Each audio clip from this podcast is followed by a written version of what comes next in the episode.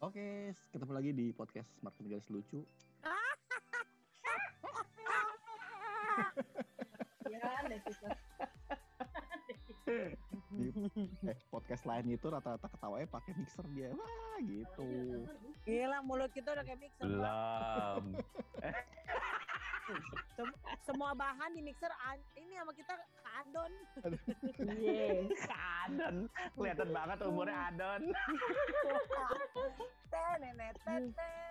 Jadi hari ini hari ini kita formasi lengkap nih berlima di tiga episode terakhir season 1 ya. Gue baru tahu kita ada seasonnya. Iya, karena kan Gue juga Ah. baru tahu Oh, Kita mau ngikutin friend coy. oh, oke iya. asik. kejauhan. Kita kan cuma Nanti 16 kadang gua diundang episode. Beverly Ya. Hills lah, Beverly Hills. Jangan, friend. Beverly Hills. Melrose Place. Men, oh Tuhan. Ah, ah, ah, ah. Ya ampun, ini old school semua ya. Old school semua ini. Kira yo, oke. Maaf, banget. Banget, aduh. banget. Saya generasinya boy boy boy. Oh my god. Masih di Cosby Show My ya? God, tuh. Ya, jadi semuanya sama tua. Berarti Cosby Show masih ini ngalamin ya? Oke, eh malam ini kita mau mau ngobrol tentang us- bisnis bisnis kuliner. Kita kan Jeng Tata lagi memulai bisnis eh, bakul bakso sama Om Reza mau mulai bakul bebek nih. Hmm. Di sini Oke. kita juga mengundang Semangat. ada salah satu chef hotel bintang Semangat Purnama dong. dengan dengan siapa ini? Maaf. Bintang tujuh. saya bukan saya bintang purnama, saya kapal tongkang. chef kapal tongkang ya. Begitulah konon katanya. Apa kabar Mas? Alhamdulillah, alamin. Sering lihat penampakan di tempat tidur tapi belum pernah ngobrol kita ya. Iya mas, aku cuma ngeliatnya sampai paha doang tapi Oh iya benar di belakang aku atasan dikit. sengaja. Ya, karena saya aku udah generasi minta naik naik naikin kamera nggak dikasih sama istrinya. Kan malu. Kita nggak minta 9 detik ya kok mas. Iya. Emang gitu ya. 19 detik, ah bukan 9 detik kali. Tapi biasanya old school mah nggak jauh dari ITENAS ya. Buset, Itenas jauh banget. Kayaknya udah be eh oh iya deh Kita angkatan itu. tahu. Gila apa? Mas. Oh jauh ya? Tapi Tuh baju basket kan warna kuning itu. Iya. eh, tapi gara-gara tapi gara-gara Itenas gue tahu cara ngedit video bisa ngilang. Ya di sini bisa hilang. Ya kan? Aku bisa ngilang nih. benar. Tring, gitu. bisa hilang. hikmahnya. Hah? Iya, Iya bener. bener Ada, gitu. ada ada adegan yang bisa ngilang di toilet. bisa hilang nih. Oke, berarti gue satu-satunya yang nggak tahu di sini yes gue paling muda. Serius lo kagak? yes. Asli beneran. Paling Dia yang ngerekam. muda apa gaptek? Oh, di. Enggak, ini serius. Ini serius. Itenas, Itenas dimainkan itu bukan gue nonton, gue ngegepin emak gue nonton. Astaga. Emak gue panik. Tapi gue juga taunya dari Mago. Terus terus terus. Itu topik, itu topik. Oh iya, iya, iya, iya, Iya, iya, iya, iya. maaf, maaf, maaf, Selalu orang. margacu begini terus ya. Gawat nih kita nih. Gawat ini. Ingat setengah jam, setengah jam, ingat. Iya. Durasi, durasi. Durasi. ini? Ya, Aku 20 menit, 20 menit. silakan tak, silakan tak. Lo punya, lo mau mau ada curhat apa Oh, ke? Ya. Eh, Jadi, nam- namanya Mas siapa sebelumnya? Biar kita enak Namanya manggilnya. Indra. Nama Namanya Mas Indra. Bunga. Mas Bunga. Namanya siapa? Namanya Indra. Lah ini Hah? Melisa Indra. Iya. Nama bapak gue Yang sama bener kayak Melisa apa Indra nih? Kok Nama Indranya ada dua? Eh, itu bunga berselingkuh. Ini gini, tolonglah jangan dimainkan. Kembalikan uang kami, saya bayar buat kedua ribut. Tapi beneran emang nama dia sama kayak nama bokap gua. Oh, be- siapa tadi namanya Indra beneran? Iya. Oh, Pakai les mana gak? agak aneh sih ini. ngajak ngobrol ya. Gue Iya. takut dua-duanya. Ma- Mas Indra, Iya, Bu. Wah Iya, Bu. setan. Ah lu kata di Indomaret. Langsung dari Indomaret. Gue udah baik-baik jadi emosi. Kolesterol gue langsung. Langsung ngedropin aja Kolesterol.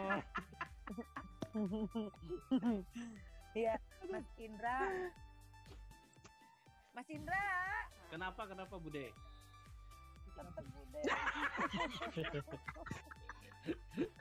Jadi Ya udah. Tata itu ada masalah kejantanan mas. Jadi tolong dibantu. Heeh, aku lang- aku langsung Gimana, gimana? Mas. Gimana bisnis mau bisnis apa ini mau bisnis apa ini? Enggak, jadi kebetulan banget sih kalau ada pembicara kita yang uh, kompatibel kayak gini kan jadi narasumbernya tuh ada dibanding yang lain ya. Empat yang lain ini berisik kan emang. Biar kelihatan berbobot ya, Bu. Iya, namanya podcast ya, ada gunanya. Kan jadi gini ya, kan di, di era PPKM ini bisnis yang naik daun sebenarnya kan memang si itu ya, kuliner yang nggak ada matinya. Setuju bukan? Setuju. Iya. Setuju. Tapi karena saya pendatang baru, baru dua bulan, ngerasa eh tiga bulan, eh empat neng sorry, empat bulan, Dua per tiga nih. ibaratnya ambil alih eh, usaha temen yang menurut gue potensial gitu kan ya ternyata eh, kok Ternyata sih ya. jadi ter- ternyata sih ya sampai sekarang gua akhirnya ngekat pegawai karena pegawai terlalu eh, besar gajinya gitu kan terus Iya, kan menurut menurut gua kan dagangannya adalah bakso dagangannya Dagang banyak. Yang sesuatu yang bakso. banyak diminati ya. betul ah, ah. nah nih masalahnya em, oh iya oke ya tuh kan maaf maaf saya ditawarin Narkoba. Bakso, air jahe soalnya gua jalannya pincang. Masuk angin tinggi. Nah yang gua ambil yang ternyata adalah makanan sehari-hari ternyata rumah bakso itu eh, bakso malah di gue jadi oh, apa auranya nggak cocok gitu loh. Malah rugi makin lama makin turun sampai akhirnya kita ngekat pegawai padahal pegawai cuma satu. Padahal bakso tuh adalah makanan hampir semua orang dan hampir sehari-hari gitu kan siapa sih yang gak suka bakso ibaratnya gitu ada aja sih cuman lebih banyak yang suka gitu untuk cemilan-cemilan gitu apalagi di PPKM kayak gini namanya sambil nonton Netflix dan lain-lain iya emang. nah gitu mas nah, Jadi konsepnya kendala- gimana dulu ini? dari biasa mulai dulu. tadinya. Bentar, tadi tadi diakuisisi usaha teman gitu ya. iya? Ah, iya betul sebenarnya Betul. bisnis kuliner benar-benar menjanjikan karena manusia nggak bakalan bisa hidup tanpa makanan ya nggak?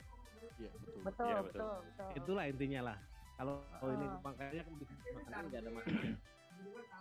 Cuman Ah. yang selama saya bergelut di di ini ya bergelut. Jadi eh, emang gampang-gampang susah Hmm. manajemen memanajemennya. Nah sebenarnya kalau mau baru itu kayak mbak yang diakuisisi itu sebenarnya mesti tahu dulu seluk beluknya dulu mbak apa bakso itu bakso kayak gimana kan apa bakso bikin sendiri nah, Bakso borak. nah bakso borak kayak gitu Bakso tikus ya. Ah. Bakso Nah, ini tikus. kayak- Nah, ini kayaknya kendala banyak orang yang akhirnya baru terjun ke dunia kuliner gitu ya, usaha kuliner tuh baru eh bukan kayak kayak bukan gua doang deh gitu kan. Ada yang banyak gitu ya. Ternyata salah perhitungan atau apa itu bingung. Ini eh, jatuhnya benar-benar bakso biasa banget yang digerobakkan naik kelas ke makan di tempat ber AC. Itu doang sebenarnya konsepnya Hmm. gitu. Dan eh, selama ini katanya selama eh, mereka jalan hampir setahun bagus Hmm, dengan nggak ada variasi menu kalau dilihat dari bakso itu dari usaha kuliner itu sebenarnya kita ya kita tuh mestinya mulai dari dulu. Dari dari pertama gitu dari dari raw-nya lah jadi eh, produknya itu gimana cara bikinnya bahan-bahannya bahan yang dipakai apa aja. Itu Hmm. ketahuan semuanya mbak. Nanti eh, apa sih ke depannya itu kita bakalan tahu kosnya berapa dari satu kilo daging dicampur tepung terigu kayak gitulah sagu kayak gitu kan Hmm. tapioka kayak gitu itu tuh eh, jumlah porsinya itu berapa ketahuan kalau bakso ya Jadi Oh. eh, jadi mau yang diameter berapa, diameter gede atau diameter kecil kan itu ketahuan jadi semuanya. Jangan asal kalau mau usaha kuliner jangan asal oh kita punya duit ngasih ke orang. Wah itu susah itu itu salah banget mbak kalau kayak gitu. Kalau menurut saya ya sebelum kita Oh. eh, dari pertama dulu. Ntar Mbak itu bisa kena tipu dari eh, kos dari bahan-bahan bakso sendiri ya kan. Baksonya Iya. itu ada- Dari master resepnya mas ya. Ah, dari bah- bahan-bahannya kan, dari bahan-bahan bakso, dari bahan-bahan mie, ya kan? Terus tuh dari kuah, dari gas kayak gitu kan mestinya itu kalau mau mulai itu mesti kita mesti tahu dulu itu Oh, apa sih? pantes. eh, sumbernya.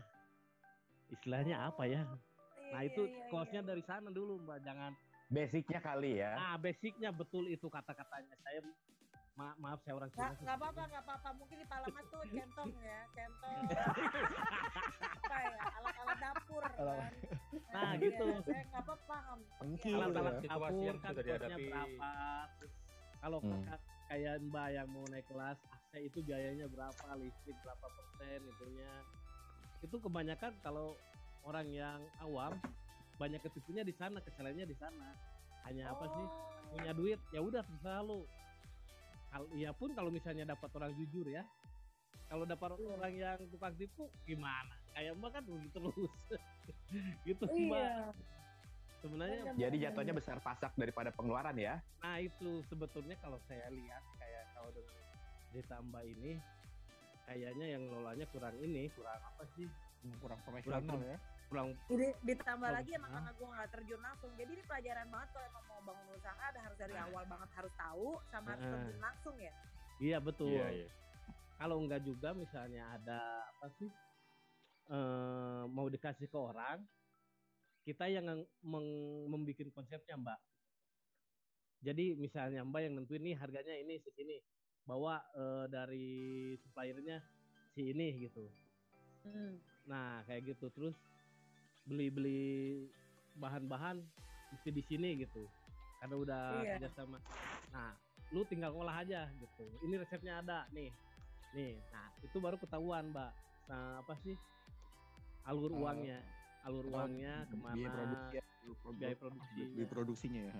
Iya, kayak gitu, Mbak. Oh, Kayak kemarin yang gue bilang tak, jadi eh, lo harus punya master master resepnya ya. Iya iya iya. Tapi Iya. kalau master resep itu apakah harus misalkan gini kan ini banyak banget nih yang akhirnya jadi plagiat ya. Cuman kan rezeki orang nih nggak ada yang tahu. Ternyata yang nggak plagiat gitu ya eh, lebih sukses gitu ya, Hmm. dibanding yang punya originalnya gitu kan. Nah ini kan kemarin tuh sebenarnya udah ada bakso bikinan orang. Memang kalau costnya lebih tinggi, untungnya lebih sedikit. Cuman eh, orang taunya rumah bakso itu dengan bakso itu gitu lah.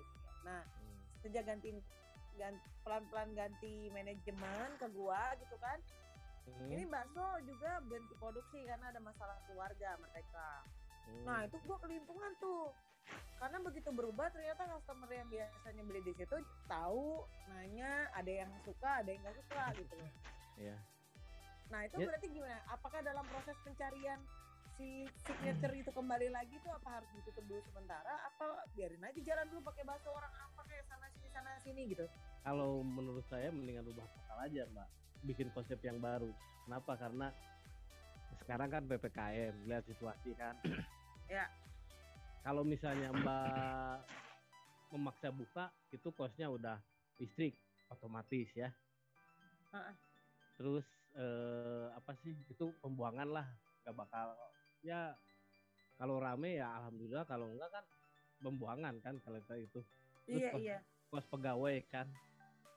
Air Udah juga sih. itu air juga mesti dihitung dan gas juga mesti dihitung. Kalau Hmm. kalau sekarang itu kalau menurut saya ya itu lebih baik mbak bikin produksi sendiri baksonya mbak. Saya jago ngadon nggak jago dirasa. Asal ngadon aja. Ternyata biasa aja. Terkecuali kalau mbak misalnya dapat supplier yang bagus dan menurut mbak itu bagus apa sih enak hasilnya ya gitu ya Mm-mm. Nah, eh, biar enggak eh, nggak tekor Berubah. atau enggak apa sih enggak banyak waste wastingnya mendingan mbak dikasih program ini eh, jadiin frozen mbak Oh.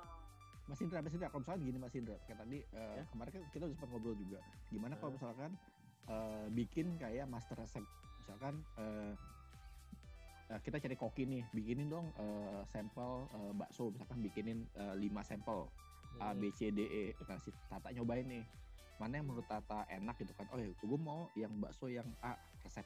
Eh, jadi beli resep. Nah Iya, dari, iya.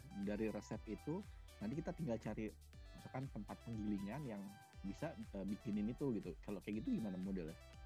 itu lebih bagus itu lebih bagus kalau menurut saya mendingan kita bayar sekali buat apa sih nggak beli beli resep lah ya kalau misalnya nggak mau bikin kan itu lebih bagus jadi punya ciri ciri sendiri lah Iya. ya kan Hmm. Karena punya kalau jati diri kita gitu. lihat si Tata ini kayaknya kehilangan ininya mas, kehilangan Jati- track akan resepnya.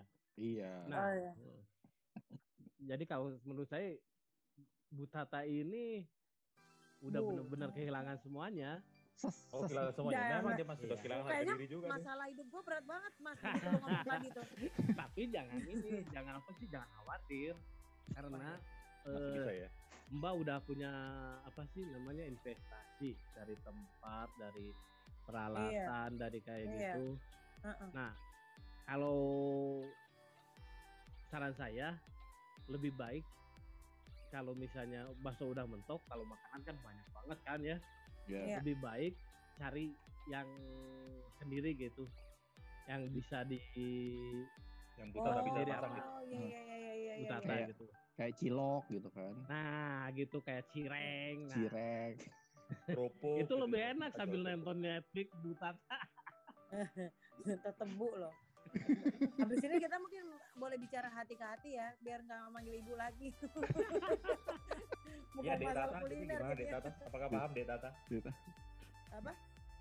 Apakah Ya, Dek biar- Tata sudah paham Dek Iya Tata? dong. Kan Dek Tata dong. jadi ini ada ini ya eh, kebetulan tadi ada teman saya kan dari mana sih chef juga dari Cianjur dia juga lagi dia, dia, dia juga lagi pusing kan eh, apa sih Maaf, maaf. Biasanya kalau teman kan chefnya dari dari Prancis, dari Itali, dia- dari Cianjur loh. teman Eh, sejawat Selatan, Berarti bos. keren. Oh iya iya iya. teman sejawat Hmm. udah Oh, oke. oke. Nah, Eh. dia tuh ada apa sih mau bikin restoran. Ah, Ini cerita aja ya.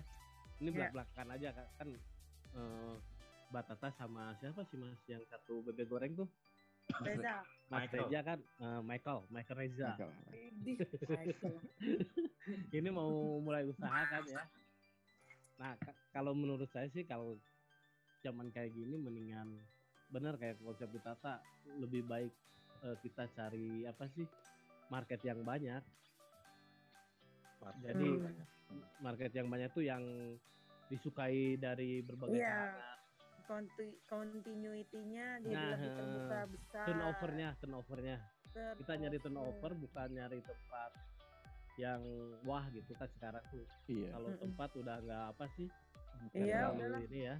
Heeh. Menurut saya mendingan kayak jualan pecel lele tapi turnovernya tinggi kan lumayan kan. Iya betul, Kayak betul, gitu. betul, betul, betul, Mau- betul. Untuk nah si teman itu kan ada punya apa sih pemodal. Hmm. pas dibilangin kayak gitu pemodalnya mundur karena eh, merasa dia punya duit pingin bikin yang wah gitu sementara yang ditawarkan Oh. ya kita eh, realistis aja ya kita Hmm. nyari turnover ini katanya Iya. kayak apa sih kayak penasihat Iya, tuh apa money-nya cepet. advisor gitulah advice-nya kayak konsultan lah Iya. ya tuh ke sini juga tanya ke saya kayak gimana Ndra? Gini caranya katanya. Ya kalau kayak gini mah kalau lu punya duit terus mau buang-buang duit ya terserah bikin tempat yang wah. Tapi ya maaf aja sekarang nongkrong paling yang datang paling generasi TikTok atau generasi sekarang kan yang Iya, hidden gem makannya hidden gem yang nyari kayak gitu kan. eh, yang makannya dikit tapi nongkrongnya dua jam ya kan? Nah kebanyakan kan Apalagi- kayak gitu kan Tapi sekarang kalau mau dine in ada rundown ya, maksimal 20 menit. nah itu Iya. dia Bener, bener, bener. nah sekarang mendingan realistis aja kita cari yang eh, apa sih pasaran aja lah kalau mau memulai bisnis bener kayak itu kayak si Mas Reja bebek bebek bagus itu Mas sebenarnya ba- bakso Hmm. juga bagus Amin. cuman eh, kita kalau mau itu kita mengolah di, mengolah sendiri supaya kita tahu kosnya mana-mana gitu yang mahal itu Hmm. yang mana yang bisa diakalin yang mana gitu bisa bumbunya yang digimanain oh iya ba- apa sih substitute ingredientnya tahu kita gitu Oh, Harus nanti ininya mas ya, harus nanti bumbunya bila itu kosong ya atau Nah, itu atau dia. mahal ya. nah, misalkan kalau sambel, kan ya misalkan kalau sambel cabenya lagi mahal bisa ganti pepaya mas ya. Saya Enggak, biasanya kalau- sambel kalau lagi mahal mas, saya omelin mas, jadi kan pedes dia tuh. kalau mau ini mah ya contoh kayak gini ya kalau sambal eh, kalau misalnya cabai rawit lah ya Ah. mahal ya Hmm. saya kan tahu alternatif lainnya apa kita beli Apa? aja yang pepper powder kayak gitu kan ah, chili Oh. powder kan bisa kan Apa mas? Tinggal- Chili powder. chili, Chili. Oh, chili powder. Nah, Oh, chili cabai bubuk. powder Heeh, sama apa sih cabai kering itu lebih murah mah Iya, Oh, yang gitu. mahal sama cabai-cabean.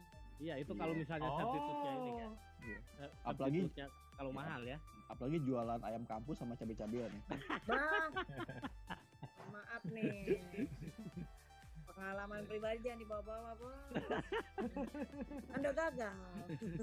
Iya iya iya iya. Terus terus Tapi kalau untuk yang konsepnya Butata ini mas, kalau yang di- dengan di frozen baksonya, apakah bisa menekan harga dan meningkatkan rasa lagi mas atau gimana?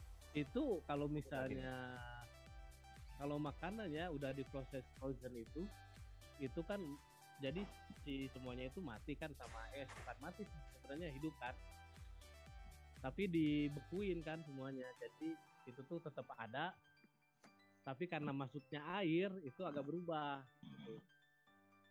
jadi kalau misalnya misalkan si Butata ini kan punya konsep yang rumah baksonya itu, tapi kan Nah. lagi kurang maksimal. Dibikin konsep frozen tapi bakso siap saji gitu, apakah bisa? Berputar bisnisnya maksudnya? oh bisa. Itu lebih baik kali. Misalnya dijual frozen bisa kan? Bisa. bisa langsung kan? Ya nggak? Bakso. Tem- temen gue juga banyak kok yang jual kayak bakwan Malang gitu tapi bentuknya frozen. Malah kayak ada yang jual tekwan gitu frozen. Iya emang. Itu nggak berubah mas. Yang penting kita tahu gimana eh, cara bumbunya yang ini apa. Nah, Oh. mensinergikan dengan yang toko dia offline gimana? Dia kan juga Nah. pasti harus nyari resep yang baku untuk Iya. heeh. Kalau lebih baik sih kalau saya mendingan trial and error. gimana gimana Hmm. sorry trial and Trial error. and error. Heeh. oh oke Ja- jadi kita tahu semuanya. tapi Iya, tetap iya. Kalau kalau Ya, saya sih sejauh ini masih error aja ya, belum. Lu emang error terus, Bong. Seperti saya kan kemarin waktu jualan frozen pasta kan ada bolognese, terus carbonara. Itu di frozenin. Iya, iya, iya, itu aku nyari loh kayak gitu-gitu. itu di frozenin maksudnya bumbunya udah jadi udah udah kecampur atau Bumbunya. terpisah Itu saya udah campurin sama kejunya, sama pastanya. oh Tapi nggak diaduk, Mas. Oh di, Iya, di atasnya iya, ya iya. toppingnya Jasatnya saya itu di atasnya. kayak- oh berarti kayak makaroni spotol itu ya Eh, beda sih. Berat, oh, berarti yang ini pakai microwave. Pakai air juga bisa, Mbak. Oh, pakai air juga bisa ya. Pakai air dikit itu kan cuman jadi mensiasati supaya sausnya tetap kental dan gak berubah rasa kalau misalnya ditambah air itu kita ditambahin kayak bahan-bahannya didobelin Hmm. Itu mohon maaf, ini siapa yang buka bengkel malam-malam ya? Kilo kasih makan anak buahnya itu. kedengeran ya Itu jualan- jualan bebek juga bisa di frozenin loh iya banyak Oh, ini ya tinggal tinggal divakum kan mas Belum nyoba sih, Mas. Go- Goreng sendiri ya. loh Saya sudah coba vakum, yang vakum hati tapi, Mas.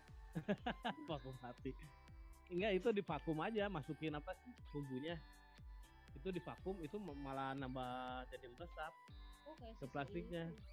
Bisa Gitu. tahan berapa lama, Mas? ya? Kalau di vakum ya. kalau di vakum kalau di vakum di apa sih dalam normal temperatur mah itu paling sehari juga udah ini kalau misalnya masuk freezer itu sebulan juga bisa tahan Hmm.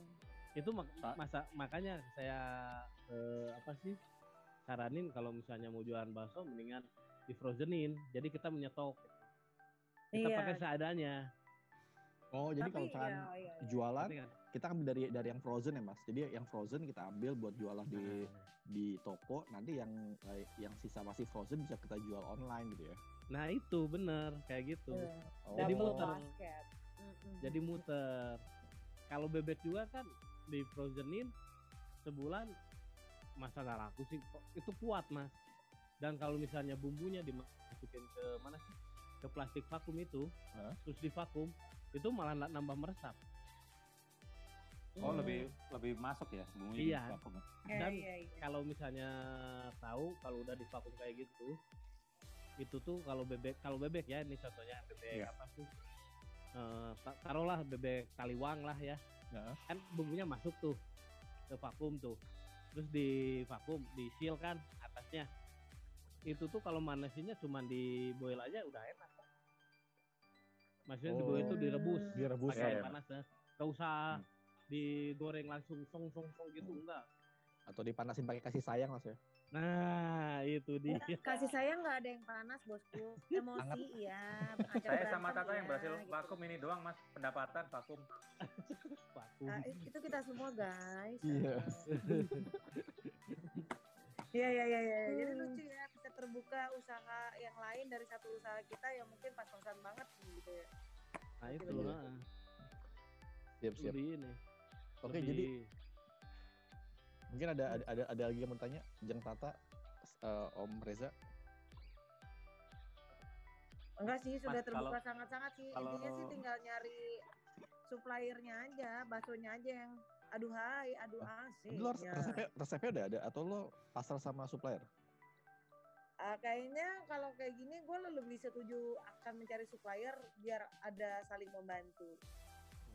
Siapa Hmm. tahu dia juga butuh. Jadi ya selain buka pintu usaha kita, pintu rezeki juga buat orang asik. asik Ini podcaster bener dah dari sekian banyak podcast nih season 1 nih.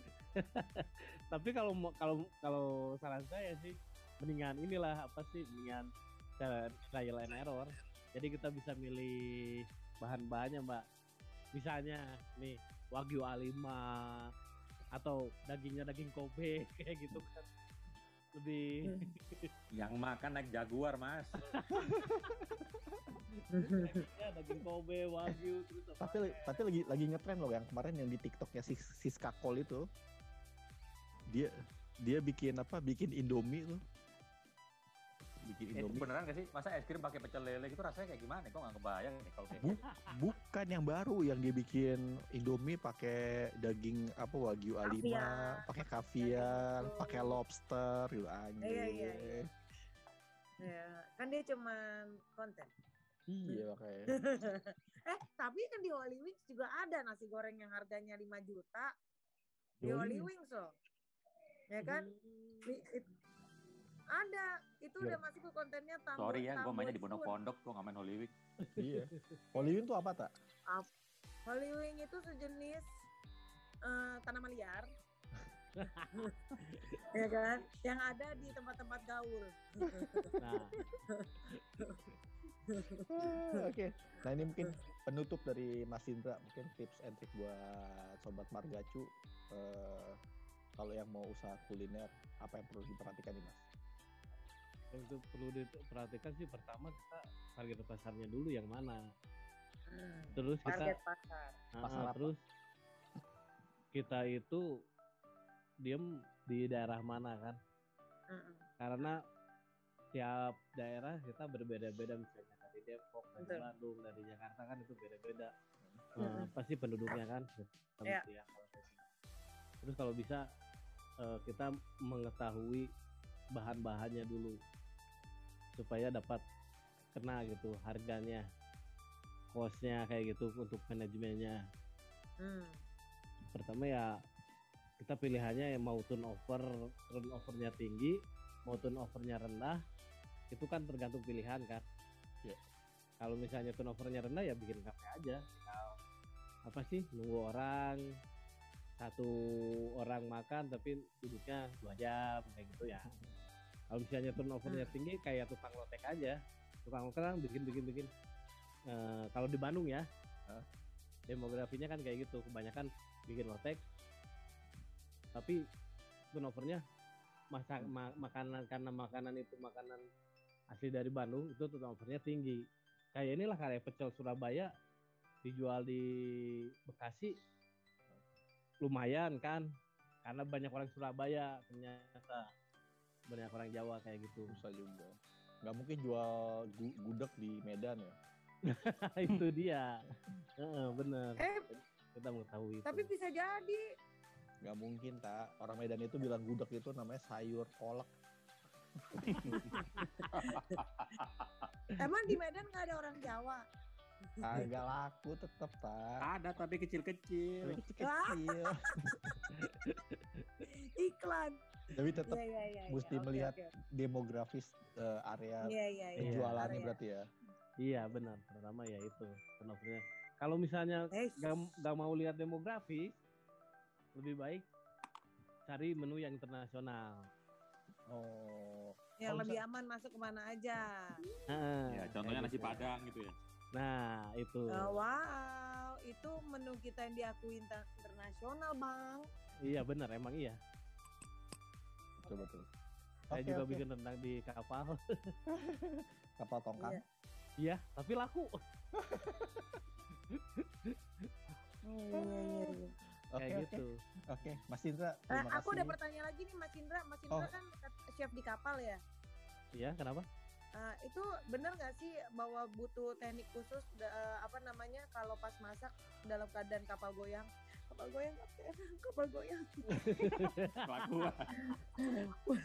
lagi balik nasi goreng nih, lagi balik nasi goreng loh gitu. butuh skill khusus gak sih? kalau kalau saya kan sekarang di river cruise jadi di kapal sungai di Eropa nah itu nggak nggak bakal ada ombak kan Ka- tapi pernah di kerja di kapal tanker yang waktu tsunami Aceh itu dulu Oh ya? Hah? ya saya itu waktu itu dari perjalanan dari Singapura ke Dumai. Nah ombaknya lumayan tinggi lah berapa meter ya? Wah itu kirain ada apa ya? Heeh. biasanya kan ombak di Indonesia paling enak paling nyaman paling ini. Tapi Heeh. pas pas hari itu bener-bener makan pun juga nggak bisa. Yang ada pada di kamar semua. Nah sebenarnya nggak ada teknik khusus sih mbak. Kalau misalnya untuk ombak kayak gitu karena Hmm. yang makannya juga nggak bakalan ada mbak Kalau ombak nggak bakal makan ya. Siapa Iya. yang mau makan dalam Siapa keadaan yang mau makan? Ma- masalahnya saya juga kan